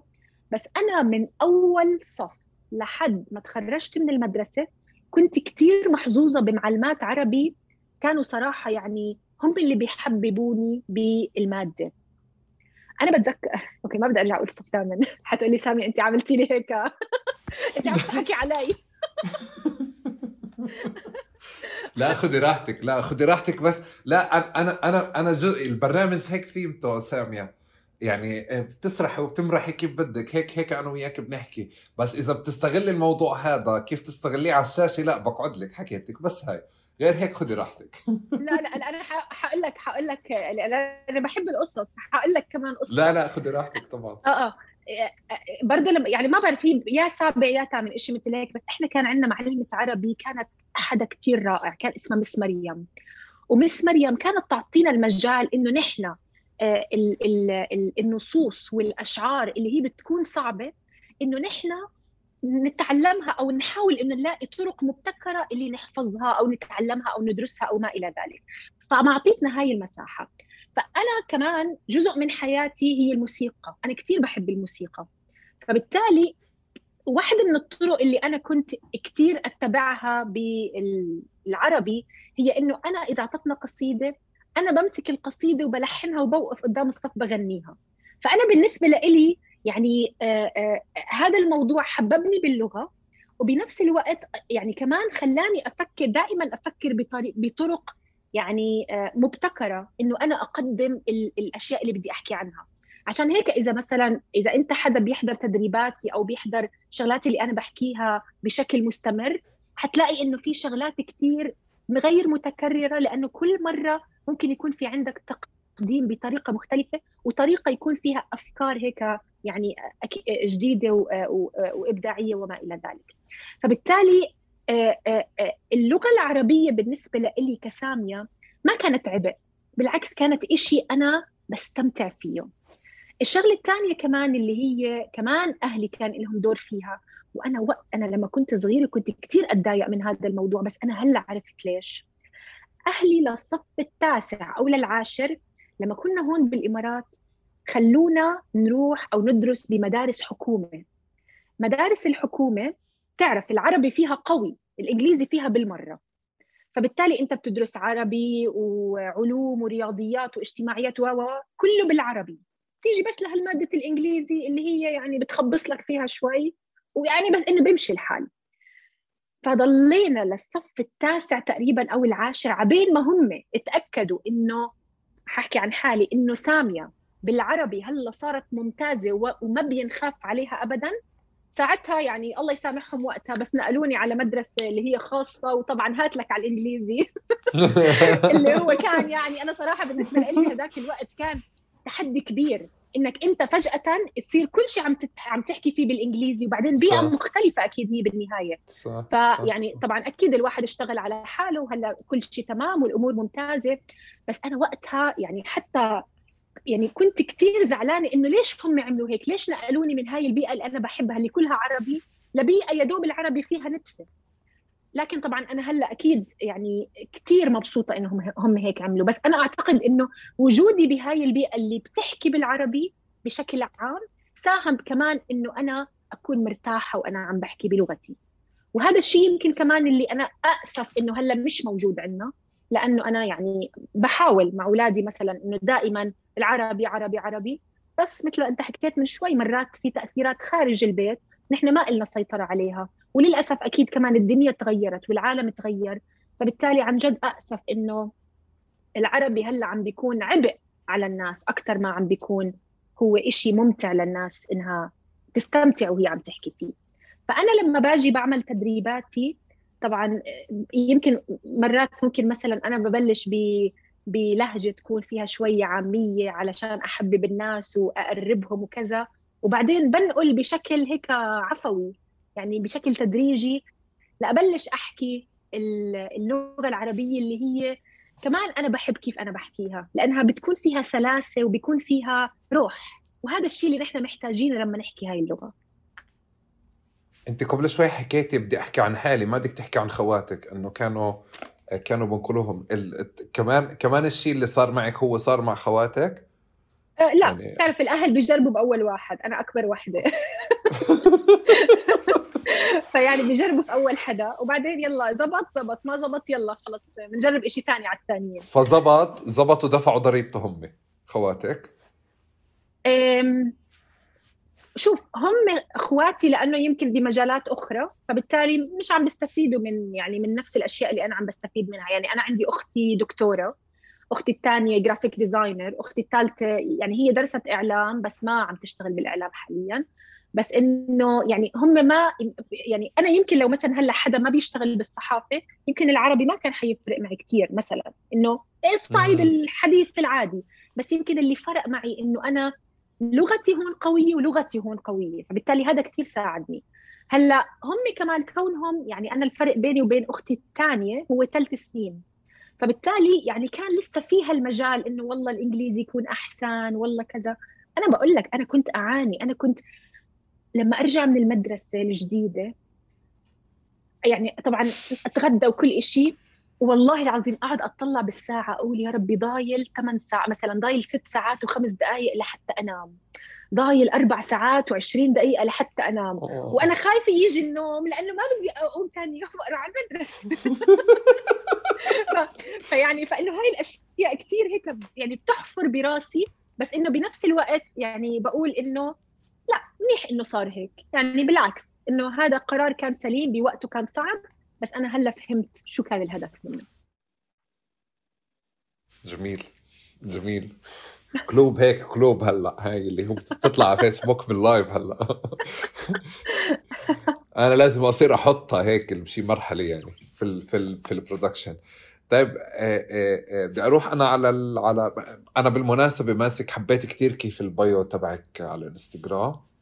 يعني okay. هناك وحبيت كيف يعني ف... فأنا استلمت الأربع محاور تبعتي من هناك عشان تكون بالصورة هلأ أنا بقدر أصرح لأنه لأنه مش لأنك حكيتي لي شو بتفضلي أو شو بتفضليش بس يعني آخر شيء أنت بالتعريف كاتبة كتب أطفال صح؟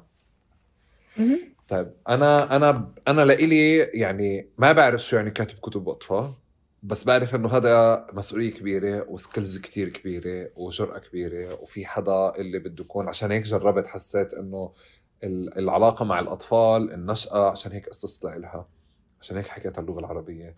لأنه لما بدي أوصل أحكي لكتب الأطفال بدي أجرب أكون فاهم إنه آه، الموضوع مش بس مؤهلات الموضوع كمان نفسية الموضوع كمان وعي ولا وعي الموضوع كمان كتير أشياء آه، رسائل ضمنية ورسائل مباشرة وهيك.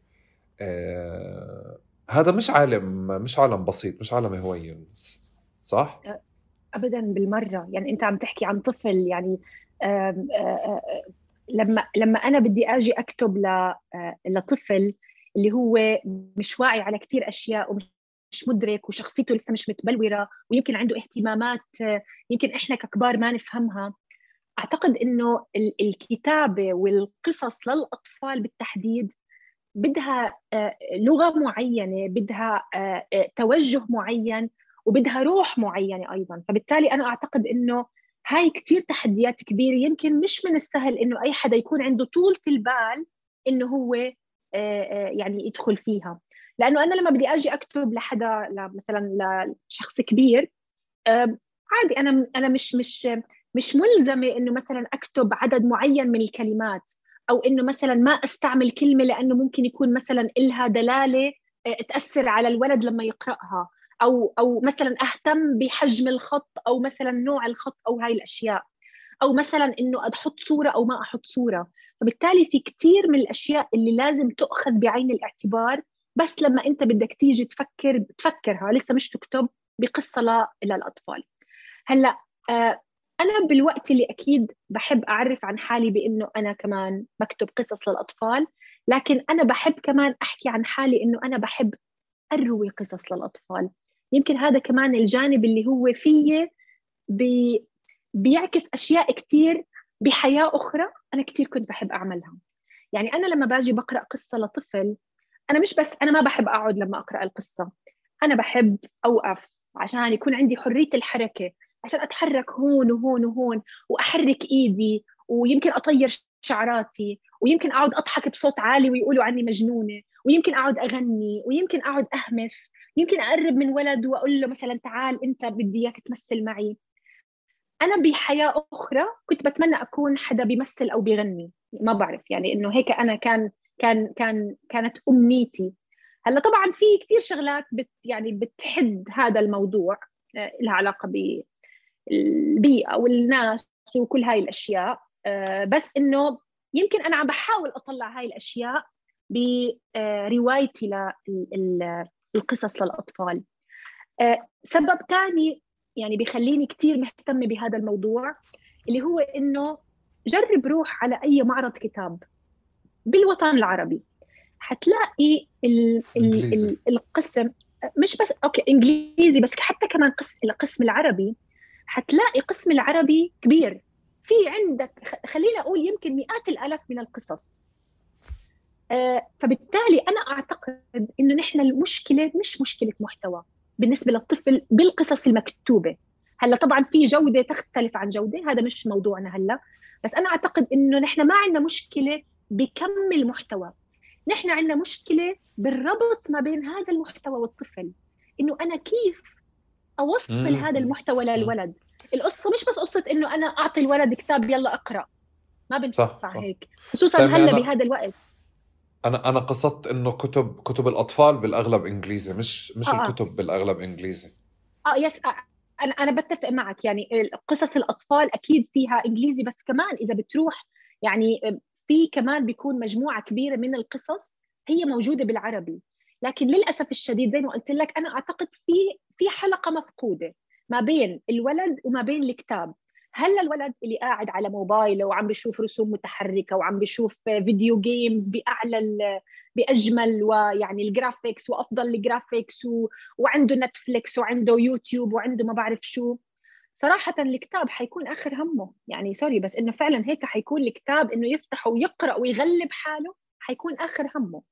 فبالتالي أنا أعتقد إنه نحن لازم يكون في عندنا طرق آه، مبتكرة وخلاقة يكون فيها نوع من إنه أنا كيف أحبب الولد إنه يتذكر إنه هذا الكتاب اللي أنا مش بس قريته أنا قريته وسمعته ومثلته مع سامية مثلا وحبيته. فبالتالي آه، آه، الذاكرة هي اللي لازم نشتغل عليها نذكر الولد دائما من خلال هاي من خلال بناء هاي العلاقة. فلما بقول لك إنه أنا بحب أسرد وأروي القصص للأطفال أنا بحب هذا الدور لأنه بيساعدني على إتمام أو على إكمال هاي الحلقة المفقودة. وعن جد يعني بكثير أوقات القصة بترسخ بذهن الولد لما مش بس بيقرأها بل يعني بي بي بيكون فيها تفاعل معه بأشكال مختلفة. يعني أنا مرة رحت عملت بمدرسة هيك مثل كمان جلسة قرائية قرأنا فيها قصة وكذا. فأنا لما مثلا بيكون في عندي شخصيات بالقصة بحب أغير الأصوات عشان يميزوا إنه كل شخصية فيها لها دور وإلها شخصها ومختلفه وما إلى ذلك. فبالتالي بحب كمان أوقات وقت اللي مثلا يكون في هاي الشخصية عم تعمل اكشن معين أو دور معين إنه كلنا نوقف ونمثله. فبالتالي لما برجع بعد القصة كنت أسأل الأولاد والبنات إنه هاي الشخصية شو بتتذكروا منها؟ يتذكروا الجزء اللي هم مثلوه لأنه صار في تفاعل أكبر من كونه بس إنه والله أنا قرأت هالكلمتين وخلص. وبعدين كمان خلال يعني نحن بآخر كم سنة صار فعل القراءة للأسف الشديد هو مقرون بالدراسة إنه أنا بقرأ بالمدرسة فبالتالي هذا عبء وهذا واجب أكثر من كونه والله أنا بدي أعمله لأنه أنا بدي أكون مبسوطة وبدي أقضي وقت فراغي وما إلى ذلك. فأنا أعتقد إنه هذا الدور كثير مهم ومش موجود كثير عندنا بال يعني بالمنطقة العربية. آه ولازم حدا يلعبه. فيعني أنا آه، سمحت لحالي عم تلعبي حلو. أنا صراحة عم تلعبي حلو. أنا بحب شو عم تعملي. يعني بهذا الجانب بالذات بالنسبة لإلي من من الجوانب اللي, اللي على رأس الأشياء اللي أنا بحبها من آه، يعني على قوائم الأشياء اللي كثير أنت بتعمليها. هلا يعني بعدين بهذا. بس بدي بدي أرجع مرة ثانية للكتابة ولا ل يعني فكرة ال... حبيت إنه كيف أنت عم بتجربي يعني رواية قصص الأطفال عم تعملي بتأدي بتغني بتمثلي بتقوم بعدة أدوار. لتوصلي الفكرة اللي أنت بدك إياها. فأنا حابب بالجهد صراحة اللي هو بوصل ما بين القصة الجامدة آه للطفل. الآن أنا بدي أرجع لورا شوي لنشأتنا إحنا. آه إحنا كنا نشتري قصص الأطفال بالنسبة لنا القصص الجامدة اللي هي بتحكي عن حيوان كذا واللي هي يمكن أسلم الطرق لكتابة قصص للأطفال ما فيش فيها آه تراكمات أو رواسب الكاتب. آه قد إيه لازم يكون يعني فكرة السلامة النفسية لكاتب القصص الأطفال آه، حاضرة آه، قد إيه لازم يكون كثير مرتاح قد إيه لازم يكون مسكر ملف الطفولة على الأقل يعني داخل بجولات من الثيرابي مع ثيرابيست محترف عشان يسكر دائرة ليقدر يعمل الوصلة هاي خليني أحكي. لأنه برجع أنا بفكر آه، مش المشكلة كانت بالقصص اللي إحنا كنا بنسمعها المشكلة دائما كانت بفكرة كيف تنقل لنا أو كيف تقدم لنا آه، أنا مبسوط جدا صراحة إنه قصص الأطفال اليوم بتم تقديمها بأكثر من شكل مبسوط إنه في جهد عربي. هذا أكثر من أكثر الأشياء اللي لفتني. كمان شيء تاني إنه إنه في حدا اللي هو سامي عم تعمل الدور بحبه بشغف وكمان عم تعمله مع أطفالها جوا بيتها وعم تعمله برا. فهو كمان مش مش المكان اللي في حدا امتهن أو تحول يعني تحول عنده لكارير آه، بياخذ منه مصاري وبس. لا هي كمان عم بتطبقه عندها في البيت وبتفحص فيه. آه، آه، بس أنا بدي أرجع لورا ومعلش أسأل على هذا الموضوع. احكي لي أكثر هيك تعي نحفر انه وياك فيه. قد إيه بتفكري انه يعني متعب الإشي أو في مسؤولية كبيرة بكل شيء؟ يعني خاصة الرسائل ما بين السطور الرسائل المباشرة وهيك. قد إيه بتشعري بمسؤولية؟ وقد إيه بتشعري إنك مأهلة أصلا لتكتبي قصص أطفال؟ يعني يعني شوف أعتقد إنه أنا بتبع هذا الأسلوب اللي هو خلينا على البساطة. يعني موضوع إنه الواحد يكون أنا أنا هيك بتبعه. يمكن ناس ثانيين ما بتتفق معي. بس أنا لما بحب أروي قصة يمكن حتى مرات بيكون القصة تروى بشكلها التقليدي. اللي هو كان يا مكان في قديم الزمان كان في كذا وعمل كذا وراح على كذا لحد ما وصل لكذا. فبالتالي هذا الأسلوب الكلاسيكي برواية القصة أنا أعتقد إنه هذا هو يعني مريح بالنسبة لي. فبالتالي كثير بحب إنه أتبع هذا الأسلوب آه، لأنه يعني سهل ومفهوم بالنسبة للولد من ناحية ال ال ال ال اللي هو الترتيب الزمني. لكن طبعا أنا مثلا واحدة من القصص اللي كتبتها هي لا تعتمد على هذا الترتيب الزمني. هي تعتمد على إنه في عندك مواقف مختلفة بنحاول إنه نشرحها للولد. فبالتالي آه، حسيت إنه لازم دائما يكون في بساطة باللغة. لازم يكون أيضا في عندك نوع من إنه فتح المجال أمام الطفل اللي عم بقرأ لحتى يتخيل حاله إنه هو البطل بالقصة. فأنا أعتقد إنه هذا كمان دور كبير لازم نحن نقدر نلعبه ككتاب من ناحية إنه آه، مش أنا اللي بس عم بحاول تفيد آه، يعني إنه أنا اللي عم بحاول أعطيك أو أوجهك أو ألقن ألقن القصة لإلك. هي بس مفتاح لك لحتى أنت تبدأ تتخيل شغلات ثانية لها علاقة بهاي القصة. فأنا أعتقد إنه واحدة من أهم الأشياء اللي لازم تكون موجودة عند كاتب قصص الأطفال قبل ما نحكي عن السلامة وقبل ما نحكي عن قديش لازم ننتبه والرسائل وما إلى ذلك انه يكون في هذا المجال من الخيال. يعني أنا إذا ما راح يكون في عندي خيال أنا بقول إنه قصة الأطفال ما حتختلف عن قصة الكبار. حيكونوا اثنين تقريبا نفس الشيء. واحدة حتكون 20 صفحة 25 صفحة بلغة بسيطة وكذا وواحدة حتكون رواية 100 أو 200 صفحة. فبالتالي أنا أعتقد إنه موضوع الخيال كثير مهم لكن مرات نحن كمان خيالنا ككتاب أوكي بياخذنا لبعيد بس كمان لازم يكون في هناك مجال للطفل لأنه هو اللي يتخيل حاله ضمن إطار هاي القصة. هذا بيصير من خلال مثلا مثلا إنه أنت بتحكي عن ولد أو عن بنت بس أنت مثلا ما بتعطي له أو لها اسم. لأنه أنت بدك الطفل اللي عم بيقرأها يحس حاله إنه هو ممكن يلعب هذا الدور ويتخيل حاله إنه هو موجود فيه. فبالتالي يعني واحدة من التكنيكس اللي نحن نستعملها. آه الشغلة الثانية إنه ما بدنا ننسى كمان إنه كتب الأطفال هي عبارة عن يعني يعني نص مكتوب وهي أيضا عبارة عن رسومات. فبالتالي الرسم أيضا بيلعب دور كبير فيما يتعلق بإنه في شغلات ممكن مرات ما توصل من خلال النص المكتوب. فنحن بنعطي المجال للرسمة أو للصورة اللي هي تشرح وتحكي عن حالها أكثر كل هذا بس ما بدنا ننسى إنه نحن عم نكتب لجمهور كثير صعب. يعني نحن عم نكتب لطفل زي ما حكينا من شوي هو ممكن يعاني وعلى فكرة كمان الولد أو الأطفال بشكل عام أنت عكس الكبار أنت ما بتقدر تتعامل معهم كجمهور كامل. يعني ما بقدر أقول أنا صراحة مش مع فكرة كثير إنه أنا بكتب لمثلا آه، عمر آه، كذا لكذا. يعني أكيد هي هاي موجودة بس أنا عندي شوية تحفظات عليها. ليش؟ أنا حقول لك قصة صارت معي. أنا صار لنا كم سنة بسبب ظروف آه، لها علاقة ب يعني بالعائلة وما إلى ذلك. أنا مش قادرة أخذ الأولاد وأسافر فيهم. فإحنا كل سنة بالمدرسة لما بيرجعوا الأولاد على المدرسة ابني الصغير في سؤال كل سنة بينسأل بيكون بكتاب العربي ولا بكتاب بعرفش إيش اللي هو الإجازة الصيفية ماذا فعلت واحد من الأسئلة أين سافرت يعني هو كاتب الكتاب يفترض إنه كل طفل يسافر صحيح. كل طفل لديه القدرة سواء ماديا أو معنويا أو قانونيا أو أي شيء إنه يسافر فأنا مثلا بعدها يعني لما يوسف كان كثير صغير كان يضل يسألني ماما إحنا ليه ما بنسافر؟ ليش أنا أصحابي بيسافروا وأنا ما بسافر؟ فأنا لما بسأل إنه طب كيف أنت يعني شو صار كذا فبيقول لي في سؤال اجى بالكتاب هيك وأنا ما عرفت أجاوب عليه. فأنا بقعد بقول إنه قديش في هيك قديش تركي هذا الموضوع.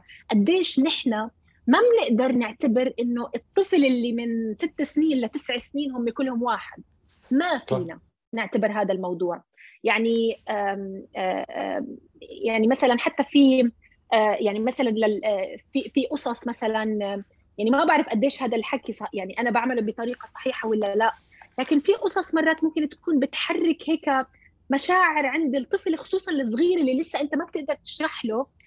صعب كثير إنه يفهمها لها علاقة بالأب وإلها علاقة بالعائلة وإلها علاقة بالوطن وما إلى ذلك. فبالتالي بحس إنه نحن يعني عن جد لما بدنا نكتب لطفل بدنا نكون كثير حذرين بنوعية المفردات والتوجه اللي نحن بناخده أو بنقرر إن ناخده لحتى نكتب هاي القصة.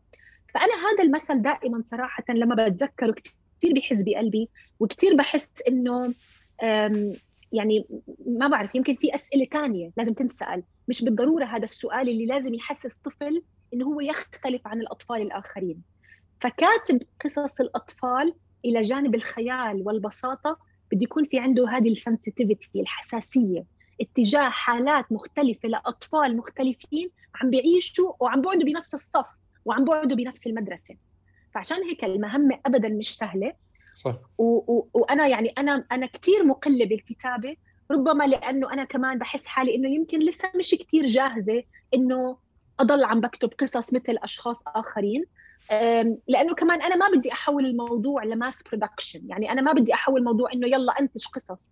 لأنه بالنهاية إذا بدي أكتب قصة بدها تكون يعني هاي القصة اللي هي ماخذة بعين الاعتبار كل التفاصيل اللي موجودة بحياة الطفل كطفل. يعني أنا آه، مثلا آه، واحدة من القصص آه، تبعتي تحكي عن طفل بمواقف بحس حاله إنه هو صغير ونفس الموقف لما بيطلع عليه بمنظور مختلف بيلاقي حاله إنه هو حدا كبير. فبالتالي هي بتحكي أكثر عن فكرة إنه كيف نحن مرات في أشياء بنقدر نعملها لسبب لكن ما بنقدر نعملها لأسباب أخرى. وبرضه كمان بتعلم الطفل كيف إنك تطلع على نفس الموقف ولكن بمنظور مختلف أو من زوايا مختلفة. فبالتالي أنا أعتقد إنه يعني في كثير قضايا حساسة بمجتمعاتنا. يعني أنت لما بدك تحكي عن الطلاق أو بدك تحكي عن الانفصال أو بدك تحكي عن الأطفال الأيتام أو حتى اللي من ذوي الإعاقة أو ما إلى ذلك هذه لازم نحكي عنها. أنا ما بقول إنه ما نحكي عنها لكن يجب أن نكون حذرين بأنه هي فعلا ستؤدي الغرض منها أكثر من أنه هي رح يكون في عندها هذا التأثير السلبي على الطفل بحيث أنه هو يحس حاله أنه هو أقل من غيره. ف, ف يعني الموضوع تركي الموضوع كثير صعب رغم إنه هو قد يبدو كثير سهل. يعني أنا كنت أقول لك عن قصص ماما لا لا ابدا ابدا. اللي هيك اللي هي كثير بسيطة وأنا أقول كيف تكتبها بسرعة. بس أنا أعتقد إنه آه، آه، البساطة كان هو شعارها لكن برغم البساطه مرات البساطة ممكن ما تكون شيء كثير يعني مناسب في بعض في بعض القضايا. آه، فعشان هيك يعني كاتب القصص لازم يكون حدا كثير ذكي حدا كثير فاهم الأطفال حدا كثير فاهم تنوع أيضا نفسيات الأطفال. يعني أنا أنا بتفق معك تماما إنه ابدا مش إشي صعب ومش بس إشي تركي إشي كتير خطير. يعني أنا أنا بتعامل إنه أسلم الطرق مرة تانية هي القصص اللي إحنا كنا نشتريها بنص شيكل عبارة عن يمكن أربع ورقات A4 بالنص. فيها قصة أستاذ فيها قصة آه، أسد فيها قصة كذا. ولا بتفتح أي مخيلة ولا أي شيء يعني شيء بقمه البساطة. وأنا عم بحكي على فترة يعني التسعينات اللي اللي يعني أنا لإلي ما كنتش شايفها. بس هلأ عم برجع لورا يمكن هاي القصص الوحيدة اللي أنا سمعتها وما كان فيها حمولة. يعني هيك. اليوم عم بتطلع إنه هذه لا يمكن إنه لا يمكن ل... ل... لقصة لطفل ممكن تكون بهذا السلامة يعني بهذه الحيادية. مستحيل. جزء أساسي منها على كمية الألوان كمية التفاصيل كمية الأصوات كمية الأشياء اللي موجودة حوالين الطفل. ويمكن من هذا الباب بفهم أحيانا صراحة لما حدا بيجي بقول إنه أنا ببعد ابني عن الشاشة. أنا ما بطلع عليها إنه عشان تطور ذكائه. أنا عم بطلع إنه أنت بس خفف لي الإنبوت اللي عليه عم بدخل على الطفل. يعني إحنا بدنا نفتح للطفل بس كمان في كميات من التفاصيل أنا مش ملحق عليها يعني. إحنا ككبار وبالطفل بطل يقدر عليها. الآن آه، كمان افترضت أنا إنه الحدا اللي, اللي لما سألت سؤال افترضت إنه الحدا يعني فاهم كفاية إنه آه، هو مش لازم يسأل من الامتياز اللي موجود عنده أو الميزة اللي موجودة عنده أو البريفليج اللي موجودة عنده منها قضية السفر اللي كتير مؤثرة يعني أنت كيف حكيتيها؟ بفهمها كتير منيح. إنه إحنا بدنا نفتح المخيلة تبعت الطفل خاصة لإلي بفلسطين آه، آه، اللي فكرة السفر مش كتير حاضرة إنه في عالم برا هيك شكله. آه، بس كمان بدي أديها فأنت عم بتأديها بشكل ما. اليوم يمكن حتى صار في نتفليكس كيدز عم بقدموها ويوتيوب وقنوات الحمد لله القنوات العربية اللي يعني أثرت سلبا على أطفالنا خلصت. يعني جمعوا ما يكفي من المصاري وروحوا. شكرا يعني شكرا كثير خلصنا منهم. فنانين كبار اليوم بتجوزوا هيك وسكرنا الملف. بس أنا في بالي يعني يعني بعرفش اذا اذا إذا أنا سألت السؤال ومش بفكرش إنه في إجابة يعني منطقية بس عم بجرب أفكر معك. أخذت جانب الصحة النفسية للكاتب آه، آه، آه، بالإضافة للامور التقنية والأشياء اللي كثير اللي حكيناها. لأنه أنا بحس إنه هاي هي المساحة اللي اللي اللي صعب علي وعليك نقول إنه قضية السفر أو قضية لوين أفتح للطفل مخيلته وأسكرها عند هون أو كذا. بس بحس إنه هون هون الإشي الحقيقي اللي تركي بقضية إنه أنا عم بحكي على عن احتياجاتي عم بحكي على نواقصي عم بحكي على على شيء ما بحب أتجاوزه. واحيانا بشعر إنه كمان يعني آه، تحديدا هذا الموضوع إنه في جزء من سلوكنا لتجاوز الترومات أو تجاوز تفاصيل إحنا مرينا فيها بإنه نعمل عكسها تماما واللي هو كمان بخلق بخلق شيء إضافي.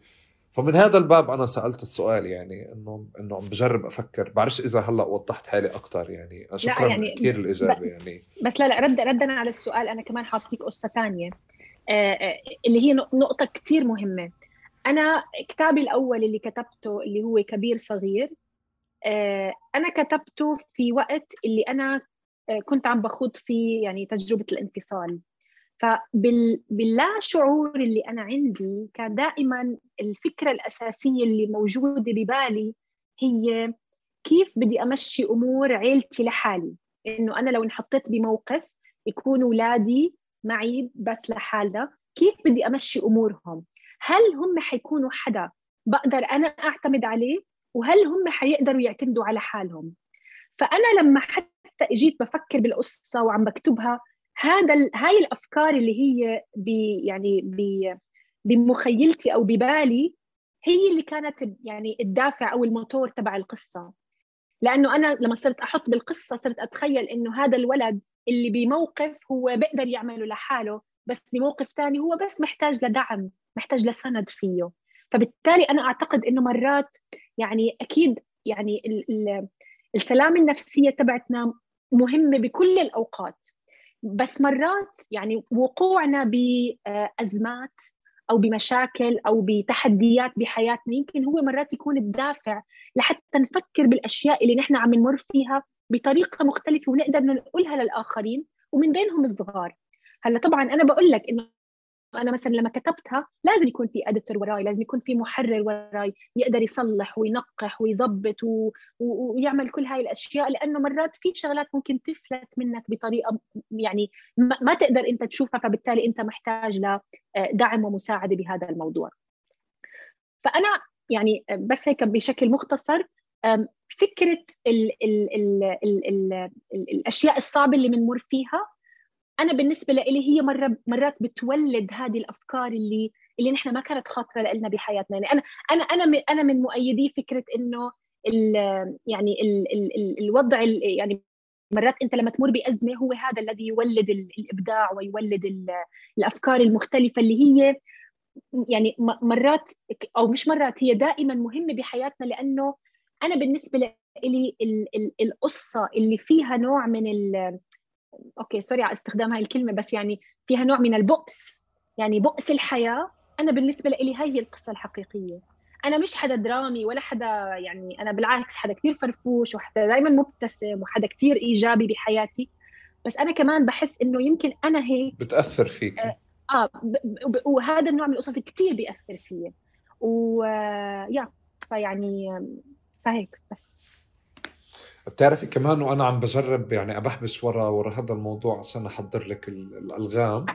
يعني وجدت إنه دور حتى دور النشر أو يعني أقسام داخل دور النشر في يعني في بلاد بتحترم حالها آه، الأقسام منفصلة حتى على مستوى محررين وعلى مستوى مين يراجع ومين يتابع ومين يعطي موافقة على النشر. هو يعني متخصصين مختلفين تماما و...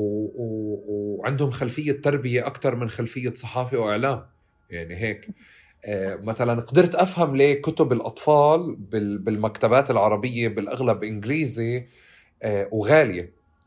يعني غاليه كتير. يعني هيك. هذه مشكلة آه ثانية آه, آه آه بس كمان هلأ صار عندي تفسير ليه. يعني مش بس لانها إنجليزي مش لأنه بيتعبوا عليها مش لأجل الطباعة بس لأنه فيها يعني انبوت بتجاوز قضية إنه الكاتب ومحرر وكذا فيها مراجعة آه، وأنا بظن كتير قصص عنا آه، يعني ب بتتجاوز هذه النقطة والحاجة لإلها. وكمان شيء تاني صراحة مش بالضبط بفكر إنه البؤس أحيانا بولد أشياء يعني بفكر الكف بخلينا يعني خلينا نقوم بس يعني آه تمام.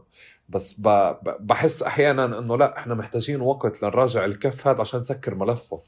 لأنه أنا إذا بدي أقوم بدافع الكاف أنا مش واعي أصلا لأنه أنا عم بتصرف بدافع الكف فلهيك يعني أحيانا يعني على مستوى حالي إذا بصير معي لطش وبدخل يعني في في غيبوبة بجرب إنه يعني أجنب حالي قدر الإمكان أخذ قرارات.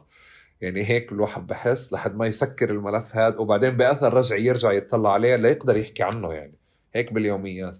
فبحس هذا الجانب يعني صراحة كان يعني آه، أو يعني البايو تبعك أو أو أو أنت كيف بتعرفي حالك خلاني أدخل عالم كتير كتير لطيف. آه، طب أنا بدي بدك تحكي شيء بالقصة هاي لأنه صراحة كثير بتهمني. في مش بس بسؤالي أو نقطتي في موضوع كتابة القصص للاطفال لأنه بدي أقفز قفزه هلأ. آه هلأ بس نقطة أخيرة بهذا الموضوع.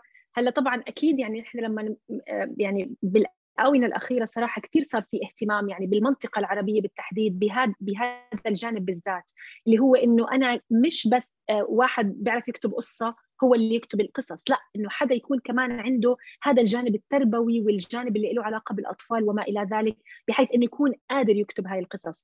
فأنا يعني آه، آه، صراحة أميل ل نوع من التفاؤل حول القصص اللي عم نصير عم نشوفها عم نشوفها مؤخرا. مؤخرا يعني عندنا كمان كثير كاتبات وكتاب من المنطقة العربية اللي صراحة يعني عم بيدخلوا بموضوعات وقضايا كثير حساسة بتهم الطفل لكن بطريقة بارعة. هلأ العدد قليل لساته أكيد نحن بحاجة لأكثر مش بس أكثر بالبلدان نفسها ولكن ببلدان يمكن نحن ما بنعرف عنها كثير بالمنطقة العربية.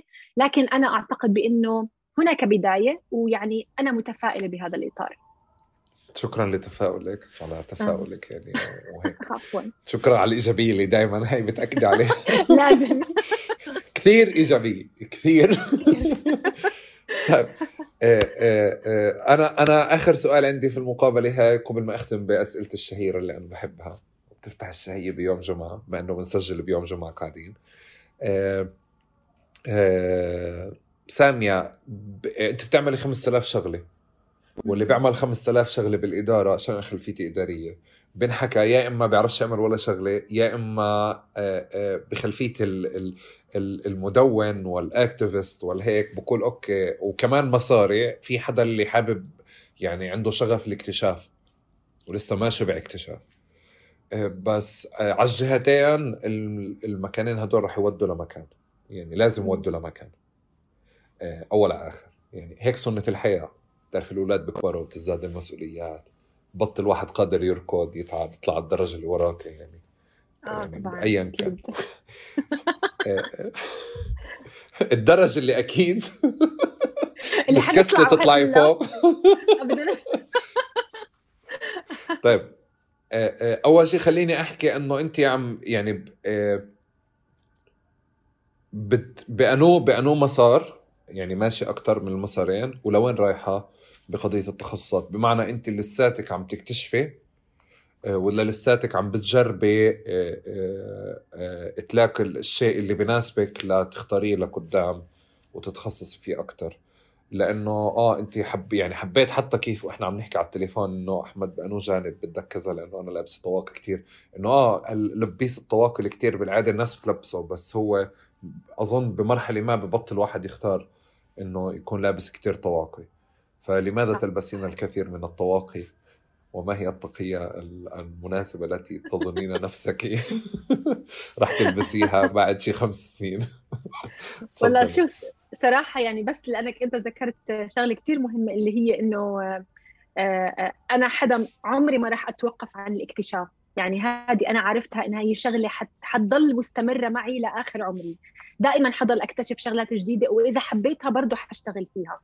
لكن أنا أميل خلال الفترة الأخيرة صراحة يعني جانبين. أول شيء أنا الجانب الصحفي إشي ما راح أنساه وما راح أتركه أبدا. هو يعني إشي يلتصق في بشكل كبير. لكن أنا كمان عندي هم كبير اللي هو الجانب الأطفال. فيمكن في يوم من الأيام قريبا ما بعرف حنلاقي إشي يجمع ما بين اثنين. شو هو بالتحديد؟ ما بعرف لكن أنا بعرف إنه هذا هو اللي إشي اللي أنا متوجهة له بالمستقبل. إشي بيجمع ما بين الصحافة وما بين أيضا الجمهور الأصغر سنا اللي هو الأطفال. أوكي. آه، سامية آه، أنا يعني شكرا جزيلا. ما بعرفش إذا ضل إشي أنت حابة تحكيه قبل ما أنهي بالسؤال الشهير. آه، أنهي؟ يعني انهي آه. لا لا حرام. ما بدي أبين هون إنه أنا يعني خلصني يلا. طيب بتحب المقلوبه يا سامية؟ أوه يعني صراحة أنا واحدة من مع معشوقاتي هي المقلوبة. يعني. أنا أعشق مش بحب المقلوبة أنا بعشق المقلوبة. كيف بتحب المقلوبة؟ okay. أنا بحب المقلوب مقلوبة الزهرة. أنا مقلوبة الزهرة يعني هي مع؟ آه مع آه مقلوبة الزهرة بالدجاج وبنحط أوقات بنحط عليها باذنجان كمان. so خلينا أقول مقلوبة الزهرة والباذنجان بالدجاج هذه أنا بالنسبة لإلي يعني في إلها هيك يعني ملحقات هيك شاعرية وذكريات و ومرتبطة هيك بفترات زمنية صراحة يعني لا تنسى ودائما هيك بتعمل لي يعني بتخليني دائما نوستالجيك دائما بتشغل عندي هاي النوستالجيا. ف فيا فأنا بموت بالمقلوبة. وشو بتحبيش في المقلوبة؟ بحبش بالمقلوبة إيه، إنه ما بحب ينحط عليها. أو فيها. في, في ناس بيحطوا بندورة ما بعرف أنتوا بتحطوا بندورة ولا لا؟ لا هي عشان ما تلزقش بتنحط المقلوبة. البندورة. حتى لو حتى لو خلص ما دام دخلت فيها البندورة خلص معناته فيها بندورة ما تلزقش تلزق هي بندورة فيها. فأنا ما بحب ما بحب البندورة وما بحب البطاطا بالمقلوبة. إيش؟ وال. أنت بتحط بطاطا عليها؟ يعني ب... ما عنديش مشكلة معها بس يعني بفهم لا. البندورة تمام يعني بحس إنه البطاطا زي الناس تتواطأ جميع الناس تتواطأ على وجودها يعني إنه آه تمام ما في مشكلة مش عارفة. يمكن يمكن لأنه يعني بطاطا ورز مش كثير يعني بطاطا ورز مش كثير الموضوع آه، راكب مش عارفة أوكي. بس لا يعني يا أو أو يمكن لأنه خلص هي المقلوبة زهرة يعني حتى الباذنجان هو إضافة لكن هي المقلوبة زهرة ودائما مرتبطة بالبرد ودائما مرتبطة بالشتاء ودائما مرتبطة بهاي الأجواء اللي هي كل ما بردت الدنيا كل ما جمعت الناس أكثر فأنا بحب خلاص كتير. خلاص خلاص. هاي فقرة تفتيح شهية مش فقرة مقلوبة مباركة هاي. شو؟ ما انت ما انت, أنت يعني عم بتأدي. نمط انت نمط انت نمط انت بتروي يعني. يعني انت قاعدة بتروي اللي هو أنا تعال أفتح لك شهيتك. يعني إنه انت انت أنت سالت أنت سألت حدا. بيحب القصص. فأنا هلا يعني حقول لك قصة المقلوبة بزهرة. تعبت. أنا عم بفكر يوم الجمعة اليوم كذا لازم هيك أروح أعملها هيك. لا إنه يعني. طب خلص ماشي. مقلوبة بزهرة بجاج. منيح؟ شكرا. شكرا شكرا. شكرا سامي. حابة تحكي شيء أنا خلصنا. آه شكرا جزيلا لك يعطيك ألف عافية. بتمنى المقابلة تكون مقابلة سلسة. مرنة استفزتك شوي. يعني يعني كان استفزازي تمام. مرقتي يعني. تمام. شكرا جزيلا لك على على المشاركة هاي. وكانت شكرا حلقة شكرا لطيفة. شكرا أحمد. بالعكس استفزتني كثير بس بطريقة حلوة. و يعني أنا في كثير أشياء مش حكي عنها من زمان حكينا عنها اليوم. فهيك يعني آه، رجعتني لذكريات كثير حلوة وأشياء كثير حلوة بحب دائما أتذكرها. ويعني ويمكن دائما نحن لازم نذكر حالنا بهاي اللحظات اللي اللي عن جد شكلتنا وشكلت شخصياتنا. فشكرا لك وعلى أسئلتك الحلوة. شكرا شكرا شكرا لك شكرا على الإيجابية اللي هي طافحة دائما شكرا على إنه جبت لنا إياها على تقارب. نورتي تكرم عيونك يعطيك ألف عافية. شكرا جزيلا لكم آه، شكرا على صبركم. حلقة كانت جدا لطيفة وحلوة وحبيتوها أكيد. آه، واللي وصل لهون عليه مسؤولية كتير كبيرة يحكي للناس اللي ما رح توصل لهون إنه لازم يوصل لهون. آه، ولازم يكمل الحلقة وممكن تغششوا الناس المقاطع اللي أنتم حبيتوها وتتفاعلوا مع الحلقة بكل مكان وتحكوا إنه سامية. أحمد جابها وكشف مصادر الإيجابية الكبيرة اللي موجودة بحياتها اللي بتشوفوها على منصات التواصل الاجتماعي. شكرا جزيلا لكم ويعطيكم ألف عافية.